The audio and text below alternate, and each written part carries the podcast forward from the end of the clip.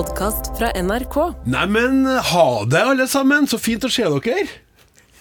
Ja, Det ble veldig rart å si ha det som et hei. Ja, det funka ikke, funka ikke det hele.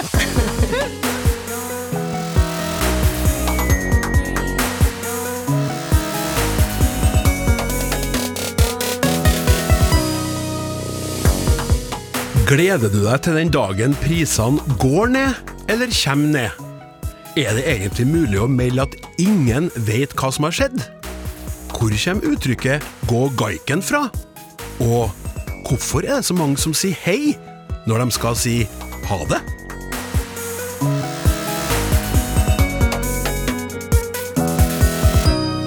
Hjertelig velkommen til en fullstappa time med spørsmål om språk. Ekspertpanelet er på plass og sitter klar som tre nykokte økologiske egg. Vi skal straks gå i gang med ukas utvalgte funderinger, men først vil jeg gjerne be alle som befinner seg i Trondheim neste onsdag, nærmere bestemt onsdag 27.9, om å spisse ørene. Klokka 19.00 den kvelden blir det språksnakk på Trøndelag Teater, og du kan få være med på moroa. Temaet for episoden er kunstig intelligens, chat-GPT, og fremtida til det norske språket, et brennaktuelt og veldig viktig tema. Gå inn på trondelagteater.no og skaff deg billett nå! Om du ikke har anledning til å være med som publikummer, kan du uansett delta i programmet ved å fortelle oss hva du lurer på om AI, KI og det norske språkets videre skjebne. Skriv til snakk krøllalfa.nrk.no, eller send en SMS med kodeord 'snakk' til 1987. Kunstig intelligens er spennende og skremmende, så la oss heller hilse på noen som har ekte peiling. Vi sier hei til Anjo Klungervik Greenhall, Institutt for språk og litteratur, NTNU. Hallo, hallo. Jan Svennevik, Institutt for nordisk og mediefag, Universitetet i Agder. Hei sann. Og Ellen Andenes, Institutt for språk og litteratur, NTNU. Hei, alle sammen. Hei, hei, hei. hei. Eh, Jeg lurer på, Er det noen av dere som har mista nattesøvnen etter at eh, ChatGPT entra vår eh, virkelighet? Eh, Jan? Nei, jeg har ikke det. Jeg tror eh, vi klarer det også. Vi, det er, språket er blitt spådd eh, forfall av mange teknologiske nyvinninger, nyvinninger opp igjennom, men jeg tror det går helt fint. Så godt å høre. Ellen? Nei, det er ikke, hvis jeg mister nattesøvnen, så er det ikke på grunn av det. Eh, Men jeg syns jo det er veldig spennende at noen også lager en norsk variant av det. Jeg venter og ser, jeg. Ja, Anjo? Ja, når det gjelder hva som kommer til å skje med det norske språket, så tror jeg vel ikke at vi om ti år kommer til å ligge på en sofa og grynte som neandertalere. At vi er tilbake dit. Men utover det så kan jo alt skje. Okay. Jeg holder hold alt åpent. Det er, så å jeg velkommen til språksnakk på ne- neandertalsk. Hvem vet inte du, hvem vet inte Ja, Vi vet ingenting nu, vi vet inget idag Hvem vet Ja, eh, hvem vet inntil du, synger Lisa Ekdal. Og det er jo sånn at eh, dere som spør, dere vet ikke, og derfor så sender dere spørsmålene hit til Språksnakk. Men nå skal det også handle om noen som ikke vet. Her kommer eh, e-posten. Hei! Jeg hører ofte på programmet og syns det er artig. Har en sak jeg ønsker å sende til dere. Bruken av uttrykket 'ingen vet'. For eksempel ved nyhetssaker der reporter på TV rapporterer en hendelse, skråstrek forbrytelse som har skjedd, der den skyldige ikke er tatt. Så sies det ofte 'ingen vet hva som skjedde med den forsvunne personen', eller for eksempel 'med det stjålne bildet'. Men det er jo feil! Noen vet jo! Gjerningspersonen vet hva som er skjedd, og sannsynligvis også den som er utsatt for forbrytelsen, og andre som er involvert i ugjerningen. Da blir det veldig upresist å si ingen vet, men dette er veldig vanlig å bruke. Hva tenker dere om dette uttrykket? På forhånd takk. Hilsen Karen Valle. Ja, er det noen i studio som vet? Eh, Anjo, vet, vet, vet du? Nei, um, hvem vet? Ehm, ja, altså, det er jo et interessant spørsmål. Ehm, ingen vet når det er noen som vet. Eh, det er jo strengt tatt ikke sant. Eh, det er ikke bare det at det er upresist, men det er faktisk ikke sant. Men det som eh, egentlig gjør at jeg er inne i språkbusinessen i det hele tatt, det er jo det at jeg syns det er så fascinerende at vi bruker språk hver dag til å si ting som ikke strengt tatt er sanne, men vi bruker, det, bruker de her usanne tingene til å si noe sant likevel. Eh, så bare for å ta noen sånn litt urelaterte eksempler til det, da, på det, så, så har vi f.eks. metaforer. Han var sterk som en bjørn. Mm. Altså, det kan jo ikke være sant, for det er ingen som kan være sterk som en bjørn. Men likevel så har vi sagt noe sant, nemlig at han er veldig sterk. Mm. Um, vi bruker ironi, som også er usanne utsagn, ikke sant. Det var et fantastisk fint vær i Trøndelag i dag. Eller, det er ikke sant. Eller, det er eller ikke sant. utrolig fin genser du hadde i dag, Klaus. Jeg har skjorte på meg. Å ja. ja, jeg skjønte, jeg skjønte Du skjønte? Jeg skjønte ja, så, sånn at, sånn Poenget mitt her er at når vi, når vi kommuniserer, så, så, bruker vi ikke alltid ord bokstavelig. Og vi, vi, bruker dem ikke i, i, den betydningen de har i en ordbok. Nødvendigvis i alle sammenhenger, i alle fall. Eh, og ordboksbetydninga av ingen, det er jo ikke noen. Og sånn i isolasjon så betyr jo det ingen i absolutt hele verden, ikke sant. Mm. Men, men, oftest når vi bruker ingen, så, så, mener vi ikke absolutt alle i Altså at ingen av absolutt alle i hele verden. Mm. Eh, fordi at vi har en bakgrunn og en kontekst som er mer avgrensa til en viss gruppe individer i den situasjonen som ytringa blir sagt. Så for å forklare dette her, da, så, så kan jeg gi et eksempel. Eh, hvis, la oss si man er på jobb, workshop, eller sånn, sånn på Scandic hotell på Hell. Mm. Og, så, og så man, sitter man på dagen, og så har man ledelsen sitter i et panel uh, på scenen, og så sitter publikum nede i salen. Eller de ansatte, da, som i mhm. dette tilfellet publikum, sitter nede i salen. Og så oppfordrer da panelet på et eller annet tidspunkt til å si at ja, hva har dere å, å si til dette her som vi har presentert nå? Og så har vi en observatør som i ettertid kommer og sier ingen tok ordet. Mm. Og da betyr jo ikke det at ingen, verken ledelsen eller de ansatte, tok ordet. Det betyr bare ingen av de ansatte tok ordet. Mm. Dette her, det er jo Det forstår jo den som hører på eller leser denne ytringen her, fordi at man skjønner liksom den situasjonen. Mm. Så det var, det var, en viss gruppe som var meninga det var meninga skulle svare, mm. men ingen av dem. Ikke sant. Så, sånn at uh, i det her eksempelet som er sendt inn, da, ja. så, så, betyr heller ikke ingen i den sammenhengen her ingen i hele verden. Det betyr vel noe mer noe sånt som at ingen av de som har interesse av å finne ut noe om det her sakskomplekset her, mm. veit hva som har skjedd. Mm. Og, og, det her kan man si uten å bli anklaga for løgn og, vil jeg da si, upresishet, fordi eh, at den som hører på eller leser det her, skjønner jo at det er noen som veit. Mm. Altså at den som har gjort det, veit vel sannsynligvis at vedkommende har gjort det. Mm -hmm. Og det her, så, det, så man, man, på en måte tar og putter den personen i parentes, og så er det ingen av alle de andre unntatt han eller dem som faktisk vet noen ting. Vi har lært oss å ikke ta det så bokstavelig. Det er sånn vi Riktig. forstår det, sånn vi bruker språket. Riktig. Og så kan man ta det bokstavelig og sende inn spørsmålet, som blir et artig spørsmål, inn til Språksnakk. Ja. Men da har man tatt det bokstavelig. Ja. Ja. Ja. Mm. ja, men det var i hvert fall noen som visste her. Du visste. Takk for det. ja, vær så god.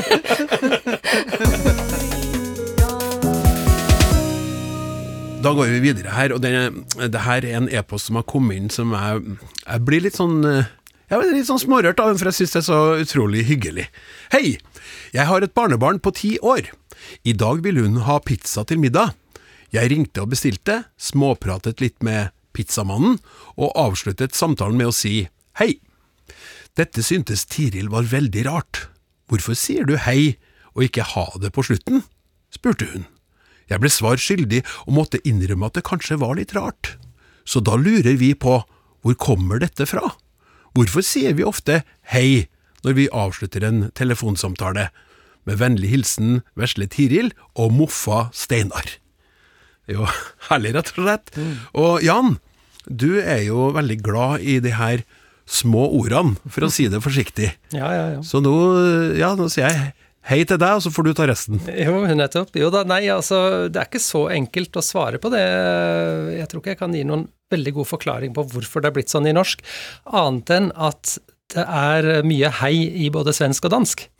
Der er det hei da når man eh, skilles, og på dansk er det hei hei, Ja. som Hei. betyr ha det. Ja. Ja, to, to heier må det være på dansk for at Ja. jeg har det. Ja. Så det er hei når de møtes, og så hei hei når de går fra hverandre. Ehm, og jeg vil jo tro at det norske heiet på slutten eh, er eh, litt påvirket av de språkene. Men akkurat hvorfor man begynner å bruke noe som nok er et hilsningsord til å avslutte også, er litt mer mystisk, og det tror jeg ikke jeg har noe veldig godt svar på. Ehm, For hei er et er- For det første er det et veldig gammelt ord, altså som eh, er en sånn et uttrykk for følelser, gjerne positive følelser, noe man eh, blir overrasket eller glad for. Eh, vi har litt den bruken fortsatt i norsk med sånn eh, hei og hå, så fint. eh, hei hvor det går. ikke sant? Da er hei ikke en hilsen, men det er liksom hei sånn hvor det går! Da er det ikke sant, uttrykk for eh, ja, glade følelser. Ja, hvor, gammel, hvor gammel vil du si heien er på sittende fot? Det, altså, det, det var iallfall i norrønt, og, og etymologiske ordbøker sier at det går helt tilbake til latin. Eh, så det er eh, sånne ja, uttrykk for en sånn et følelsesuttrykk. Hei! Ja. Og det, vi har jo mange uff, Ja. æsj. Mange sånne korte uttrykk er jo det sånn uttrykk for akkurat hvordan vi har det inni oss. Så jeg vil jo tro at hilsenfunksjonen er nokså lett å forklare. Det kan være å si hei er en sånn gledelig overraskelse over å se noen, ikke sant. Å, hei! Nå ble jeg overrasket over å se deg. Ja. Så sånn kan man lett tenke seg at dette hei er blitt et hilseord. Men det er ikke dermed noen logikk i at man skulle begynne å bruke det eh, som et avskjedsord, så der tror jeg heller mer at det er eh, iallfall i norsk blitt et mønster som vi bare har tatt over fra svensk eller dansk. Men er det noen her eh, av oss eh, Jeg, må, kan, jeg kan ikke spørre sånn, for jeg, vet jo svaret på meg sjøl. Jeg sier ikke hei når jeg legger på. Det tror jeg ikke. Da, I så fall gjør jeg det sånn helt uten å være klar over det. Men er det noen som bruker? Eh, Ellen, sier du? Jeg gjorde en periode, men vet dere hva jeg husker da det der begynte i norsk? I hvert fall så husker jeg at på slutten av 1960-tallet, da begynte de kule å si hei til avskjed. Ja. Det varte en kort stund. Ja. Men da var du der. Da, ja, og da var det veldig sånn oi. Hei! Sa de hei, hei, eller sånn? Nei, hei. jeg sa- hei. Ok, hei. Ja. ja. Og jeg syns jo det er litt eh, Ja, så sier du det, Jan? Ja, jeg gjør nok det, altså. Jeg sier ha det også, men jeg tror jeg har lagt merke til at hei kan komme hvis man på en måte har avslutta veldig mye annet og sagt kanskje til og med ha det, så akkurat til det man skal legge på, så hei, Ja. så kommer det. Uh, Så sånn siste avslutning. Enn du, Anja? Nei, jeg er ikke kul, så jeg sier ikke Nei, men, for vi sier jo ikke hei, eller vi sier jo hei. Det blir noe annet. Hei, hei, hei. Hei sann, sveisann, eller frøken. Hei, hei. Ja. Men det som er rart, det er at etter det Jan nå fortalte, ikke sant, dette er et uttrykk for glede. Er ikke det litt kjipt, da? Å si det til avskjed? Jo. jo, men altså, hvis, du har, hvis vi har hatt en hyggelig samtale, da. Mm. Sant? Så, sånn, så bra, men da ses vi, da. Det gjør vi. Gleder meg. Hei! Hadde nå la du inn mye kontekst nå. ja, ja. Men jeg har lært meg å gjøre det Ja, i det dette programmet, vet du. For konteksten er jo så viktig for den store sammenhengen. Ja. Sant nok? Ja. Og nå er vi inne på et tema som vi kommer til å komme gjennom i dette programmet mange ganger. og Det er et sånne ord som dette her, de blir konvensjonelle, og dermed mister de sin opprinnelige betydning. eh, Og man tenker ikke lenger på det som noe uttrykk for noe positiv følelse, egentlig. Nei. Og det gjelder jo også ha det, ikke sant, som eh, er selvfølgelig ha det bra. En ønske om at andre skal ha det bra, men vi tenker jo ikke på det som det lenger. Det er bare en måte å avslutte på. Ja. Mens f.eks. dansker kan eh, av og til eh, tenke på ha det bra som en reell lykkeønskning. Jeg har hørt om eh, dansker som sier takk når du sier ha, ha det bra til dem, så sier de takk. ikke sant? For de har ikke den konvensjonen, og dermed så tar de det bokstavelig. Ja, så det er bra å si sånn Ha det bra, takk. Nei, nei, nei, jeg mente ikke. Nei, nei, nei. nei. Å, unnskyld, unnskyld. Og så bare har du en kjempelang Ja. Ok. Nei, men, eh, men eh, takk, og jeg vil berømme Tiril for eh, å være en observant pizzatelefonsamtalelytter. Så får nå du velge sjøl, da, vesle Tiril, om du vil si hei eller ha det i framtida.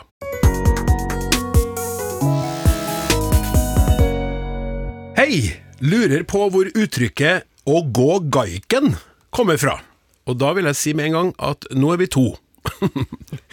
jeg er nordfra, Harstad-Senja, og har gjennom livet, 50 år nå, hatt dette ordet som en naturlig del av mitt vokabular, uten å tenke større om det. Men så her om dagen skrev jeg en e-post hvor jeg skulle fortelle at telefonen min hadde sluttet å virke, og skrev naturlig nok at den hadde gått gaiken. Etterpå ble jeg sittende og fundere over hvorvidt mottakeren ville forstå hva jeg prøvde å forklare, da jeg har en mistanke om at denne gaiken muligens er et dialektord. Har prøvd å google meg fram til en fornuftig forklaring, men har ikke kommet lenger enn at ordet muligens kan ha en uh, smule samisk bakgrunn.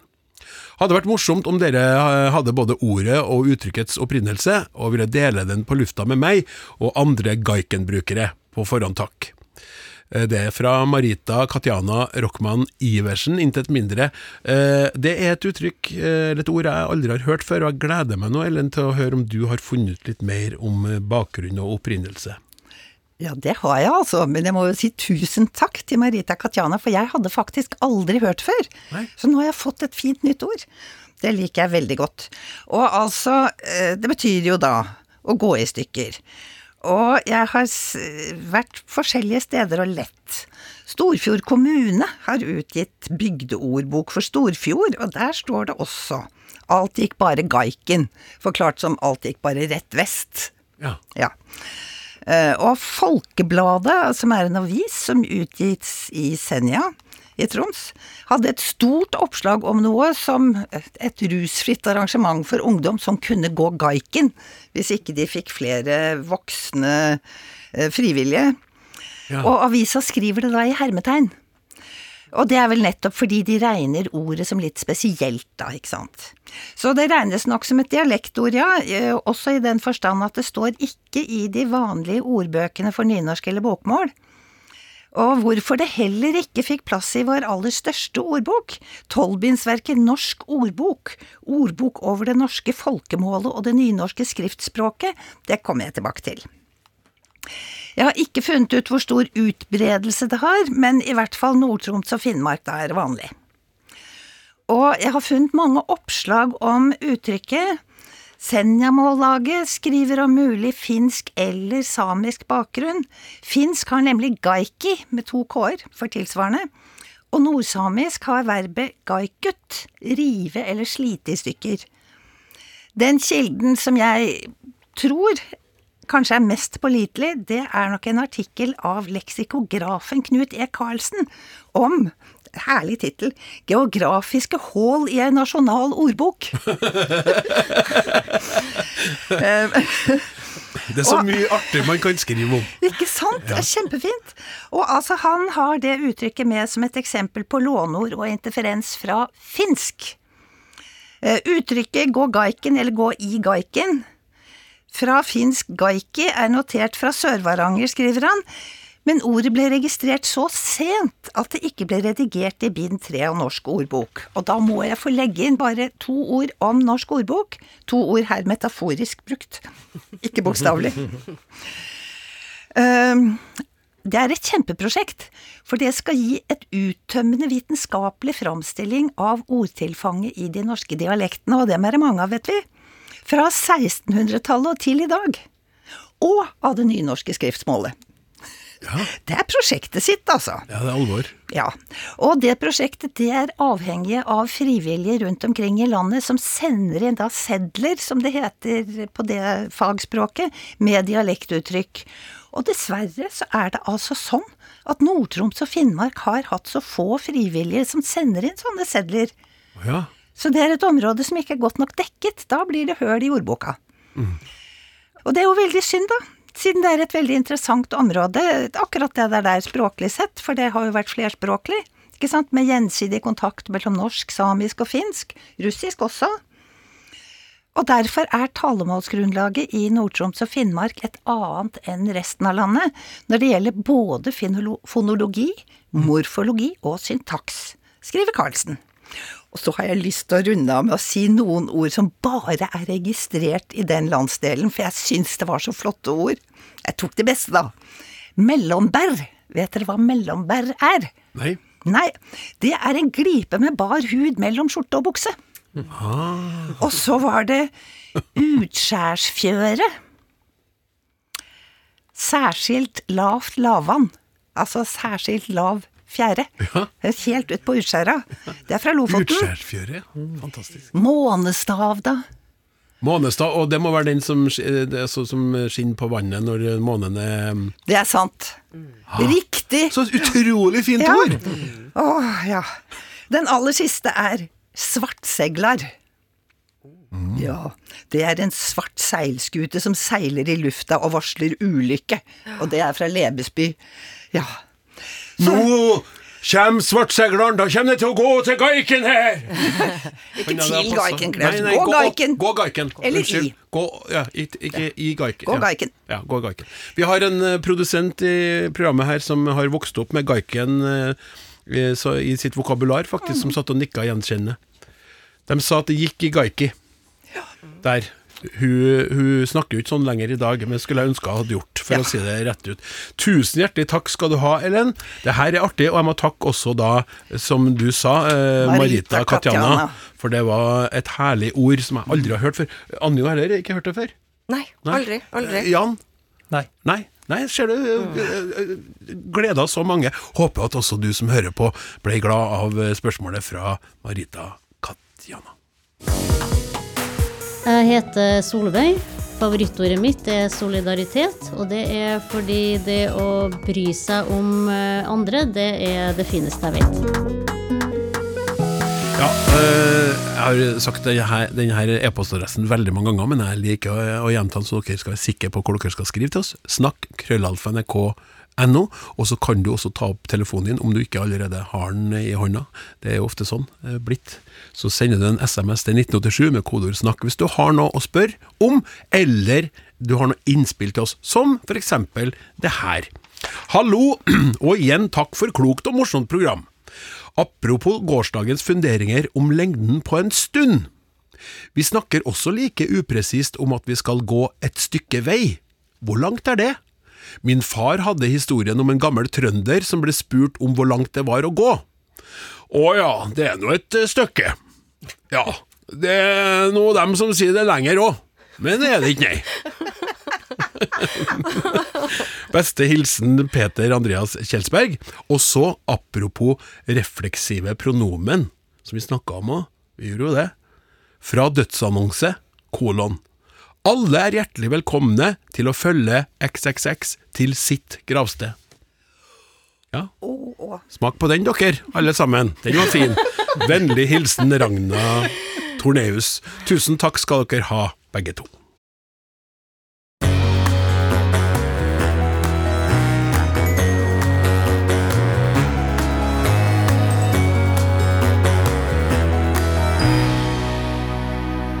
Skal vi over til et eh, brennaktuelt spørsmål. Altså, kunne ikke ha truffet på tidsånden bedre, vil jeg nesten påstå. Vi er så mange i dette landet som er opptatt av det for tida, enten vi har mye penger eller mindre av det.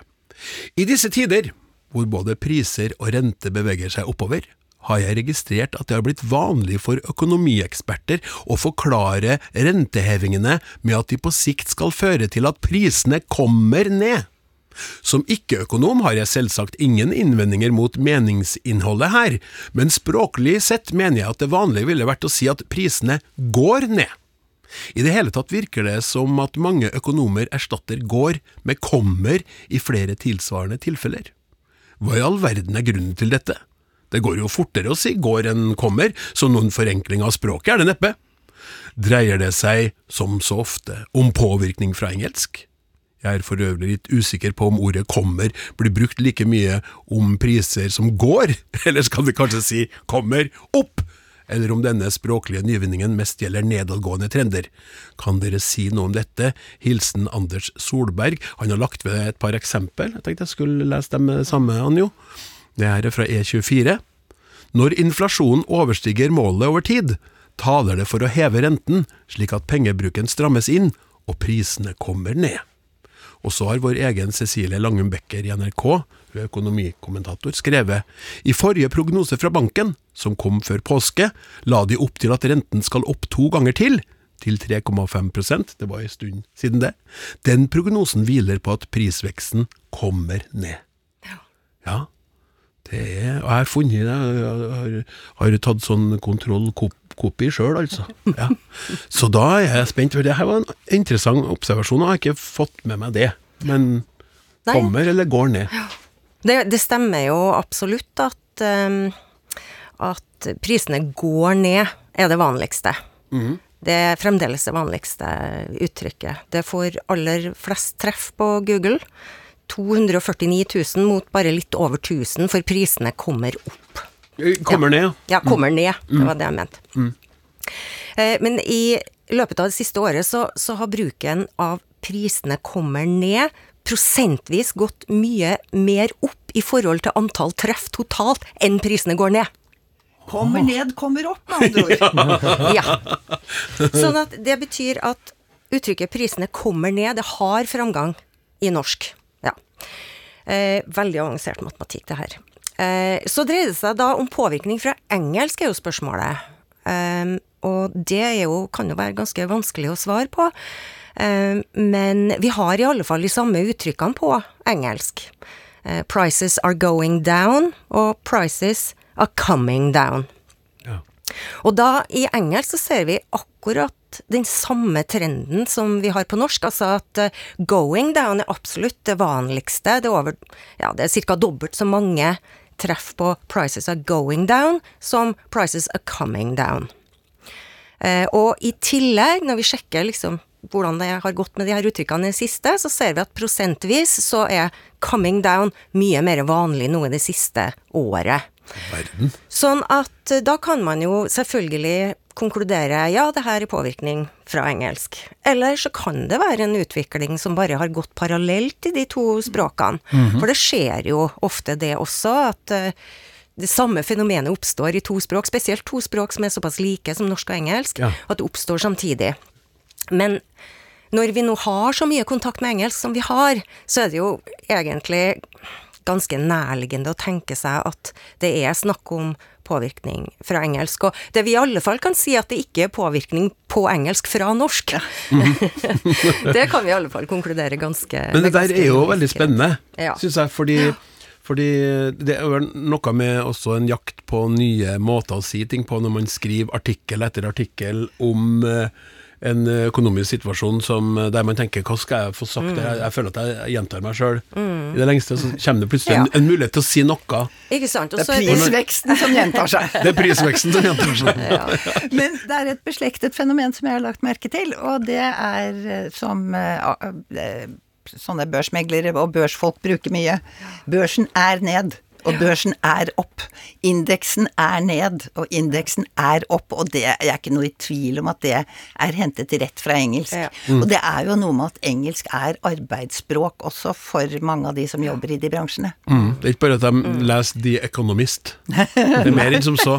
Ja. Og da når det er, da er snakk om en påvirkning fra engelsk, prisene kommer ned, så er det da, da har vi jo de her konnotasjonene som, som omgir engelsken, da, at det er litt hippere og litt kul, kulere. Ja. Variasjon, som du sier, Klaus, det er jo én ting. Ja. Man ønsker å variere språket sitt, men man ønsker også å fremstå som at man er i tiden. Ja. Det, det som slo meg med, med liksom betydningen av kommer heller enn av å gå, det er jo at prisnedgangen kommer mot meg, altså som fra himmelen. Halleluja! Se, se, prisene kommer ned! ja. De kommer ned til oss igjen! Ja, ikke sant? Så, så det er noe positivt, noe optimistisk, noe hurra, hurra over det, kanskje. Ja. Som ikke vi finner i Som ikke utstråles fra gård. Ja, Men er det et poeng som lytter Anders har, det at eh, ofte så går man etter kortere ord for å effektivisere, og her er det litt lengre eller er ikke det så viktig? Ja. Jo, det- jo, det, ja. det er jo, det er jo eh, noe som skjer i noen tilfeller, men det er jo ikke, det er jo ikke et prinsipp som, som er kraft i absolutt alle situasjoner. Noen Nei. ganger har vi jo det motsatte Mm. også, at ting blir mer komplisert. Mm. Og vi foretrekker det likevel. Og vi foretrekker det likevel av helt andre årsaker. Det er så mange forskjellige grunner til at vi velger å si det vi sier. Å skrive det vi skriver. Syns det var så kult at du hadde tatt eh, og funnet en sånn kurve for eh, ordet òg. Kommer det? At det, er på, at det er kommet, nå? Jepp. Ja. Så Og der her- var Ja. Ja, og her kunne vi avslutta med et lite musikkinnslag også. Priser som kommer, og priser som går. Det kunne vi absolutt gjort. Priser som kommer, og priser som går. Priser som er høye, og priser du aldri forstår. Ja, Men du Jan, vet du hva, nå roer jeg litt ned. Og så lar jeg heller eh, deg få ordet straks. Jeg skal bare lese opp spørsmålet du skal få lov til å bryne deg på. Ja. Hei, Språksnakk! Tusen takk for et flott program. Jeg er internasjonal masterstudent ved Universitetet i Oslo, og jeg elsker å lære om språk. Det jeg lurer på, er e-postetikette. Da jeg begynte å lære norsk, lærte jeg at man avslutter en e-post med 'med vennlig hilsen' eller 'MVH' eller 'vennlig hilsen', men ikke 'hilsen', for da er du frekk. Jeg har også lært at man skal eh, ikke si 'vennligst' i e-post, eller at det kan tolkes som frekt. Men på morsmålet mitt, engelsk, er det ikke noe galt med å sende din regards eller greetings til folk. Det tenker jeg på som ganske høflig. Det er heller- ikke noe feil med å si please. Tvert imot ville jeg ha blitt fornærmet hvis folk ikke brukte please når de hadde en forespørsel. Hva har skjedd som gjør at hilsen og vennligst ble ufint å bruke i e-post? Finnes det noen andre ord eller uttrykk jeg bør unngå? Sånne implisitte regler er svært vanskelig å lære for oss som lærer norsk som andre eller tredje osv. språk. Tusen takk, jeg håper dere tar spørsmålet mitt i betraktning. Jeg beklager hvis det er mange feil i teksten over, og håper at selve spørsmålet er tydelig. Ja, så absolutt, med vennlig hilsen, med vennlig og respektfull hilsen, en velmenende internasjonal student. Ja. Ja, ja, vi kan jo ta én ting av gangen, da. kan du vennligst svare på det her spørsmålet? Jeg kan iallfall begynne med hilsen og vennlig hilsen. Det, bare for å gå rett til det han spør om, så oppfatter ikke jeg bare hilsen som uhøflig i seg selv. Eh, Det er klart det er noe mer avmålt enn vennlig hilsen, eh, men igjen er vi tilbake til noe vi nevnte i stad, at eh, disse uttrykkene blir veldig ofte konvensjonelle, bare en måte å avslutte på, og vi legger ikke merke om det står vennlig hilsen, hilsen eller bare MVH. Eh, Dette her er bare nå avslutter jeg brevet. Men det er klart, eh, man kan jo uttrykke noe eh, vennlighet eller sånn på slutten av et brev, og det, da kan man jo, for at det skal framstå som noe uttrykk for noen følelser, så må man gjøre noe mer enn bare å skrive vennlig hilsen, for du får ikke fram noe særlig vennlighet av det. Mm. Så da må du si at eh, 'jeg ønsker deg lykke til', eller eh, 'ha en fin dag', eh, 'håper det går bra med det ene eller det andre'. Altså du må på en måte gjøre noe som blir litt personlig og ikke så konvensjonelt eh, for at det skal framstå som, en, eh, som et uttrykk for en slags hengivenhet eller vennlighet. Alt godt. Ja. Det liker jeg å skrive. ja. Alt godt. Ja, det gjør jeg òg. Ja, gjør du det? Ja. mye. Den syns jeg er fin, for den Ja. dekker litt Den dekker en del. Nettopp. Og jo mer den blir brukt, selvfølgelig, jo mer blekna blir den også. Så til slutt så opplever vi ikke noe av det heller. Men eh, det, jeg er enig i det. Alt godt er fint. Men, eh, men eh, sånn som studenten her skriver, det er det studenten lurer på, da, Jan, som også går på vennligst, ikke sant? At, at kan du være så snill, eller kan du være så vennlig å sende meg en ny kopi av teksten? Jeg, jeg kan ikke finne den forrige. Mm. eller kan du vennligst sende meg den nye, nye en kopi av den teksten? Er, er det forskjell der? For jeg kan kjenne at jeg er litt enig med studenten. At eh, kan du være så snill og, og vennligst. Vennligst er litt mer enn ordreaktig. Ja. Og der har du altså sånne konvensjonelle høflighetsfraser, de kan enten bare miste sin kraft eh, og bli svake og ikke bety noe særlig, ikke være noe uttrykk for høflighet, men det interessante er at mange av dem kan også gå over til å bli nærmest det motsatte, altså uttrykk for ikke høflighet og, og hengivenhet, men uttrykk for avstand, distanse, autoritet, den type ting. Så vennligst ta av deg skoene eh, høres vel primært ut som en ikke særlig vennlig anmodning om å ta av seg skoene.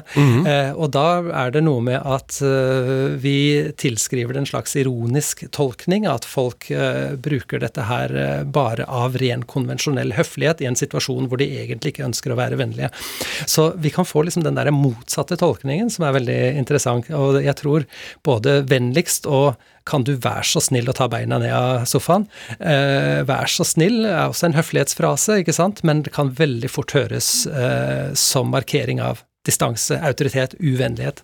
Så det, er- det, er- det er jo veldig interessant, og dermed så skjønner jeg at det er veldig vanskelig for folk som skal lære seg norsk som andrespråk, å balansere i dette her. For at vær så snill kan også være absolutt høflig.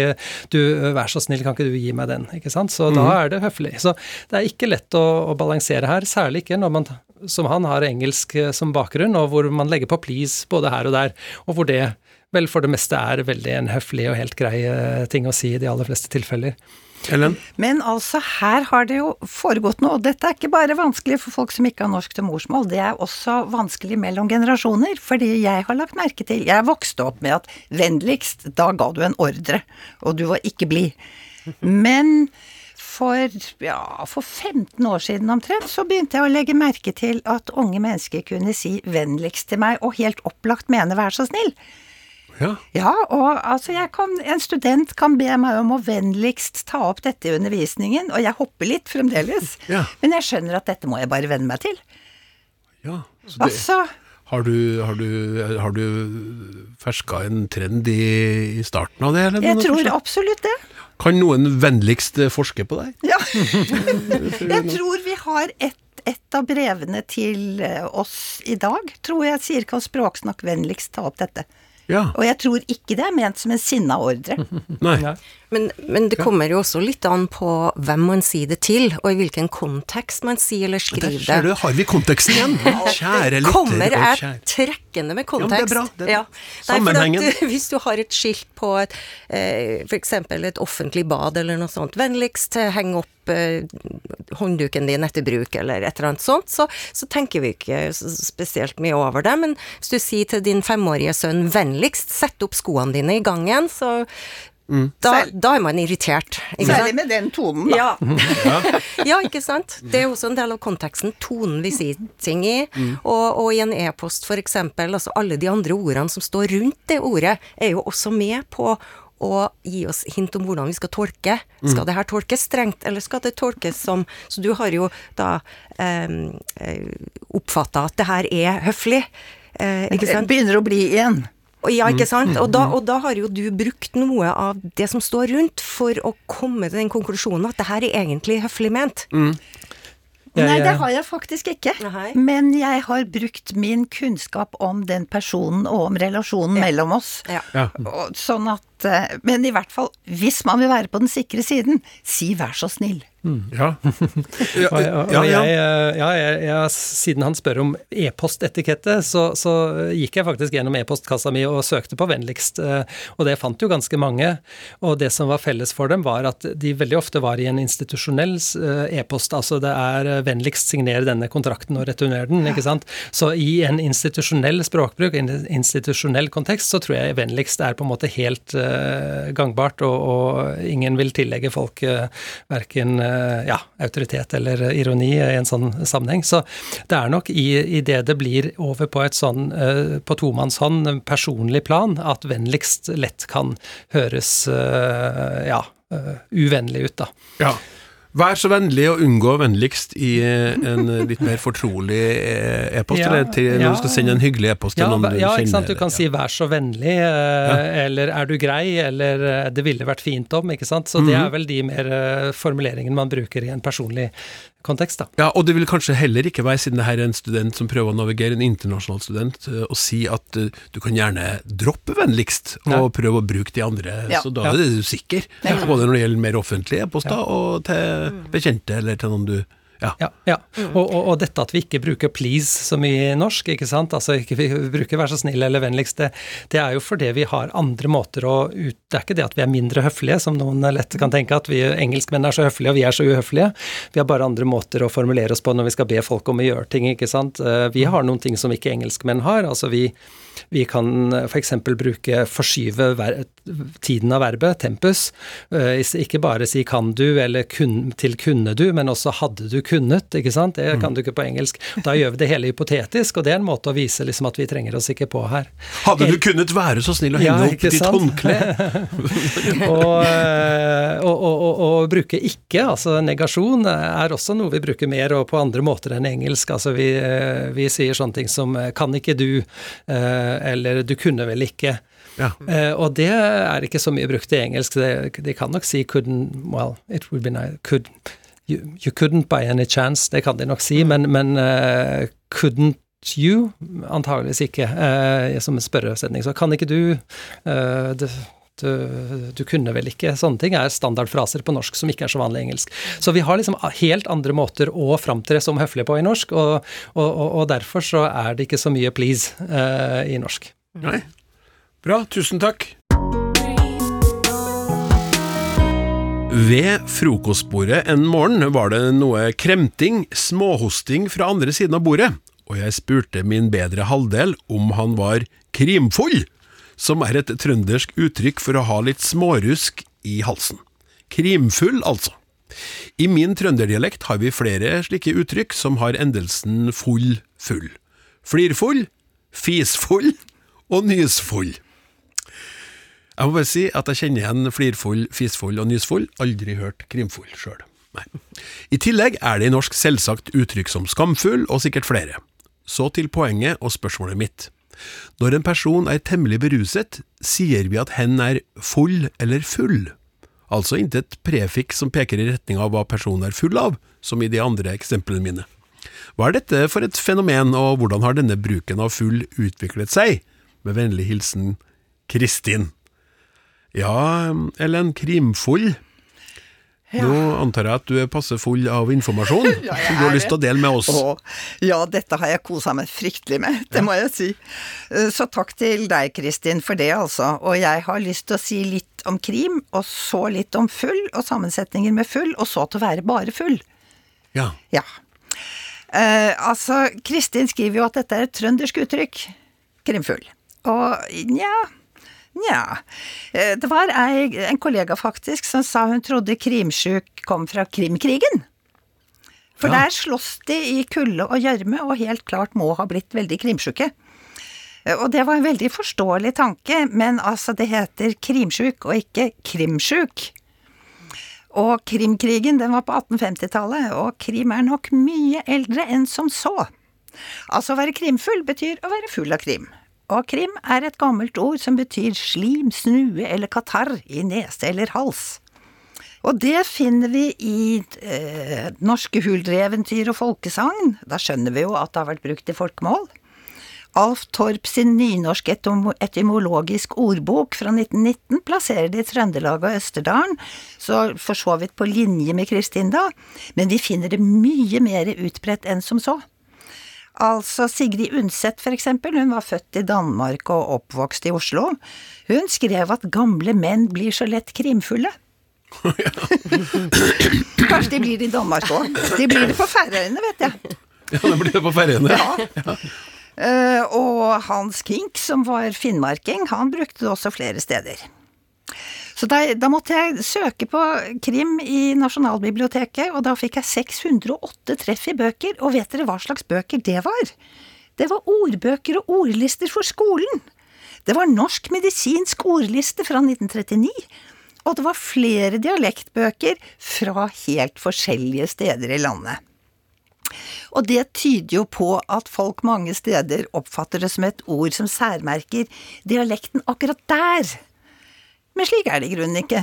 Nei. Når folk oppfatter et ord som et typisk dialektord her hos oss, så er vel det kanskje fordi de ikke er så vant til å se de mer eh, standardspråklige tekster.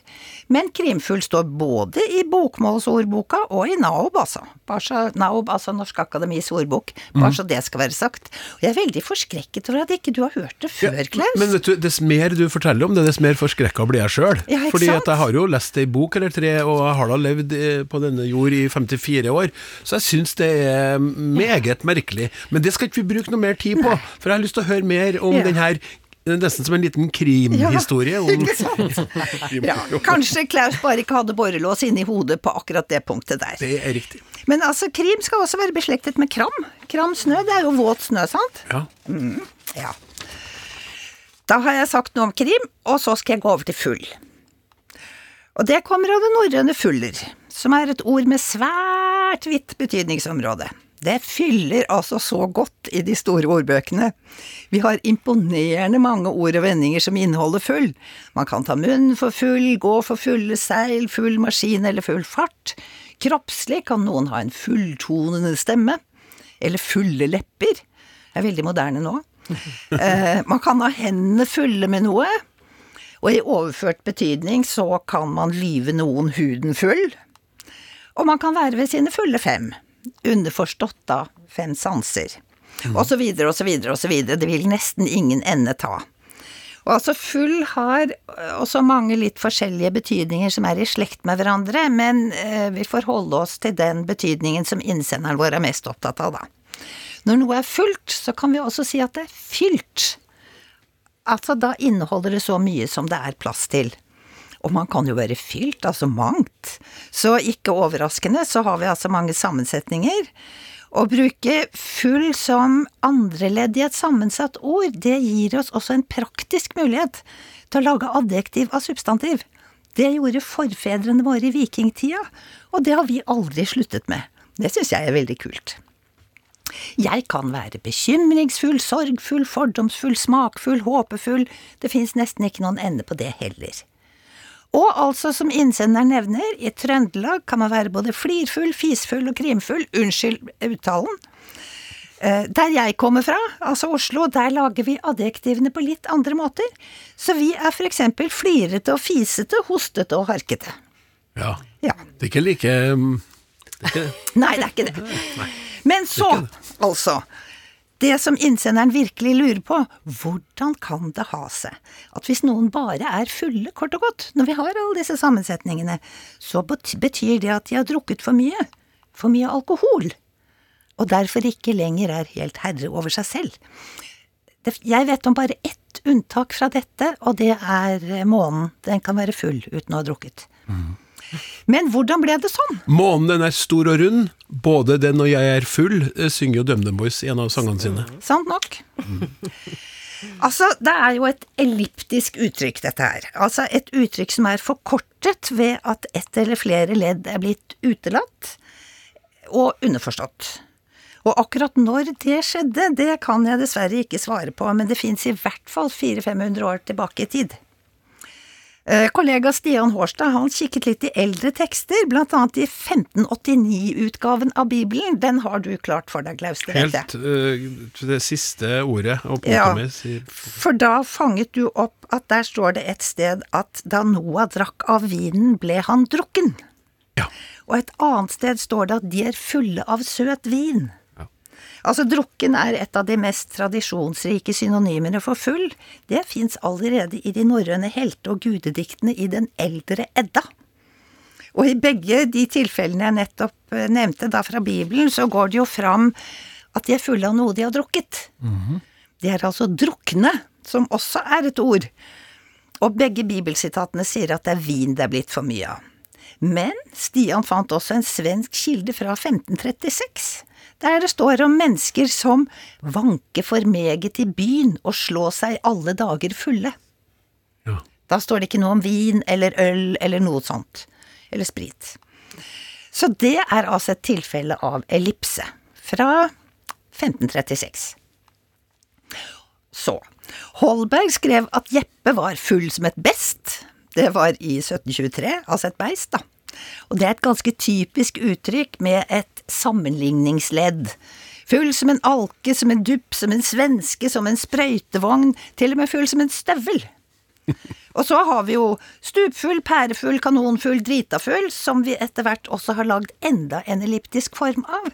Drita eller dritings. Hvis du vil vite mer om ord for fullskap, så kan du slå opp i Norsk fylleordbok.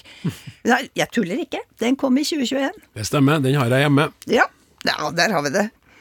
Fordi det er jo ikke bare full og fyll som brukes elliptisk. I uttrykket 'jeg drikker ikke', så er det underforstått at det er alkohol jeg ikke drikker. Sier vi at noen drikker eller er drikkfeldige, så betyr det ofte at de drikker mer enn vi syns de har godt av, og igjen at det er ikke saft eller kaffe det er snakk om. Noah ble drukken, sa jeg, og vi har også drukkenskap, fordrukken og drukkenbolt. Vi har til og med en egen drukkenskapsarrest. populært kalt fyllearrest. Der folk som har forstyrret lov og orden i fylla kan holdes i varetekt til de er edru. Og tilsvarende så har vi jo verbet å skjenke noen, uten direkte objekt. Det betyr å servere dem alkohol, gjerne i store mengder. Og vi har en lovgivning som regulerer både skjenkesteder, skjenkebevilling og skjenketider. Altså, Kristin, du spør hva slags fenomen det er at full betyr beruset av alkohol.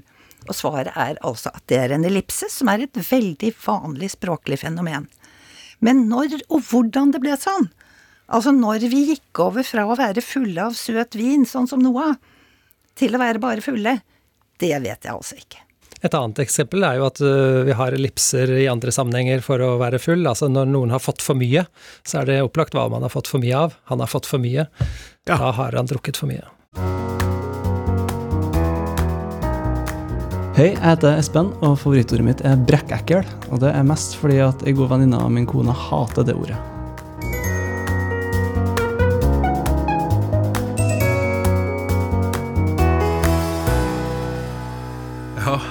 Sånn kan det også sies. Eh, takk for Nei, Nå datta Ellen nesten helt ut der. Ja, du likte brekkekkel-favorittordet, du. Takk for eh, engasjerende program. Sitter og leser en artikkel i et fagblad og ser setningen 'innehar verdifull erfaring og kompetanse'. Kan man ikke like gjerne si 'har verdifull erfaring og kompetanse'? Vennlig hilsen Anita. Anjo, det er et godt spørsmål. Veldig godt spørsmål. Ja. Altså, vi har jo mange sånne ordpar i norsk eh, hvor det ene eh, det, det ene ordet er mer formelt enn det andre. Eh, mer høytidelig. Eh, kanskje overhøytidelig, vil noen si. Vi har eh, ja, inneha og ha er jo et par. Overrekke og gi. Vi har beskue og se. Eh, vi har reversere og rygge agere og gjøre, osv. Det er masse sånne, ikke sant. Så, når man skriver, da, i en eller annen slags kontekst, så må man på en måte velge litt. Skal man være formell, eller skal man være uformell?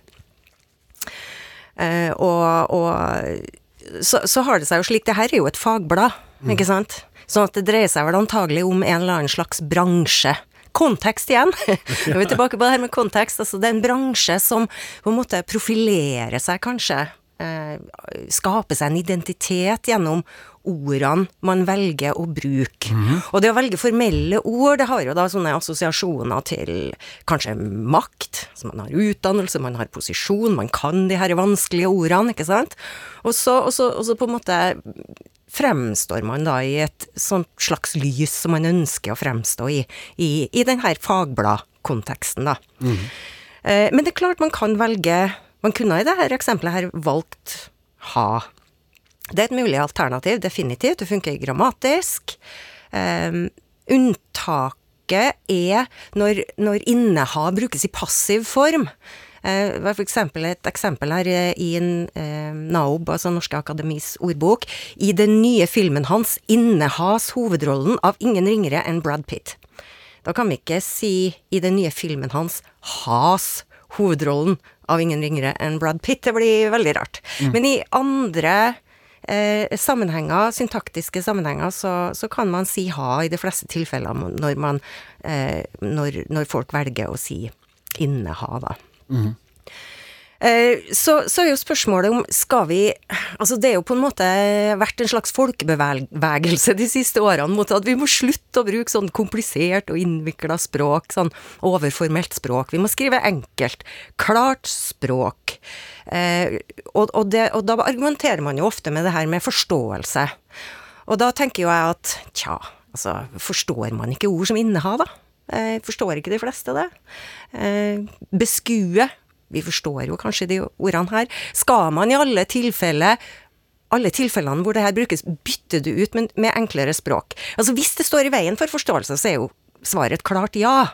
Men hvis det strengt tatt er ord vi forstår, skal vi ikke bare la folk få lov å profilere seg da på, på det, gjennom det ordvalget De ordvalgene de tar? Ja, når du spør her nå, så har vi jo to språkforskere her, og, Ja. og, og jeg, jeg, ser på deg, Jan. Hva, hva skal vi? altså, ja, jeg, Jeg syns jo kanskje at uh, særlig andre språksbrukere vil ha problemer med inneha. Betyr noe annet enn ha? Inne hvor? Uh, altså, ja, jeg ser for meg at mange kan ha problemer med det. Mm, Ellen?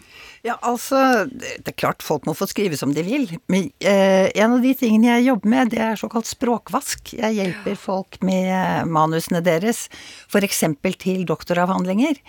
Og i en doktoravhandling så er selve stoffet, det er vanskelig nok som det er.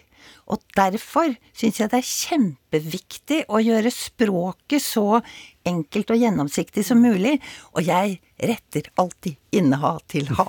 Ja, det, det, det, tror jeg ikke jeg nødvendigvis ville ha gjort, for det handler litt om hvem du snakker til også. Altså en doktoravhandling er det jo veldig få øh, lekfolk som vil prøve seg på å lese en gang. Jeg syns det er fantastisk at dere ikke er helt enige. Det skjer jo nesten aldri. Det er jo sånn Jo, men språket er evig forandring, og ja, men det er en utvikling vi har sett, og nei, sånn er det bare.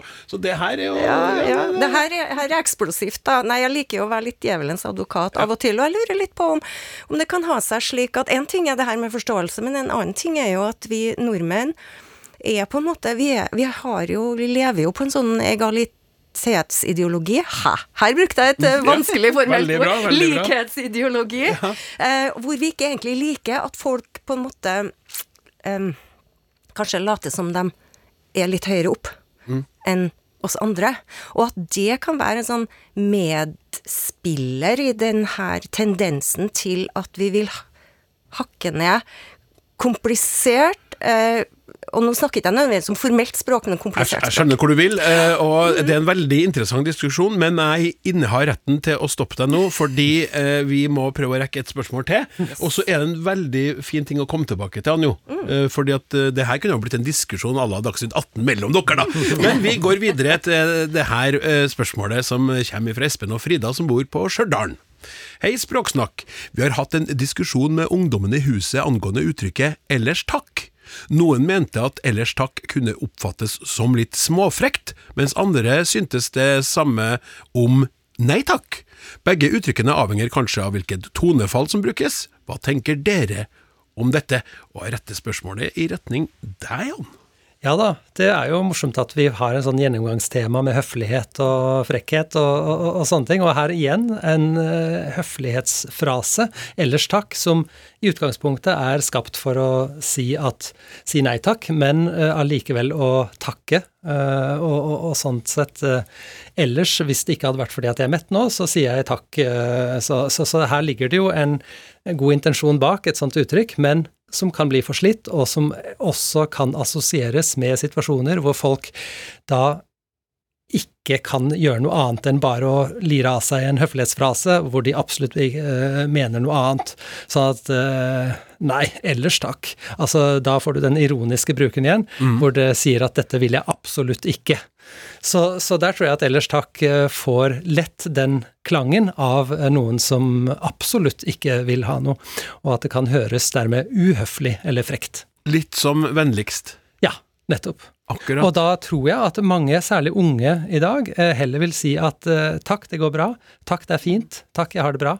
Ja. Eh, de vil si faktisk andre ting som ikke assosieres med denne mulige misforståelsen. Eller 'det går bra', som vi hører mye her. Det var produsenten som kom på øret, ja. Randi, og jeg kjenner det også igjen hjemmefra, ja. med min yngste sønn. 'Det går bra', sier man bare. Jeg sier tusen hjertelig takk for det svaret, Jan. Og jeg vil gjerne si tusen hjertelig takk til Anjo og Ellen. Sannelig min sixpence, der var tida ut. Eh, og da har jeg takka dere, og da takker jeg også tekniker Martin Våge og produsent Randi Lillealteren, og ikke minst deg som hørte på, og eller sendte inn spørsmål. Jeg heter Klaus Sonstad. Vi snakkes.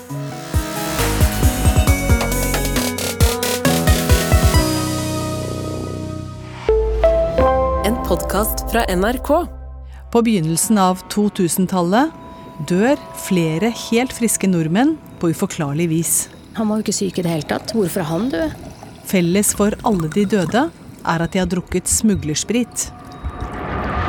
I 30 år så har jeg solgt sprit til alle samfunnslag.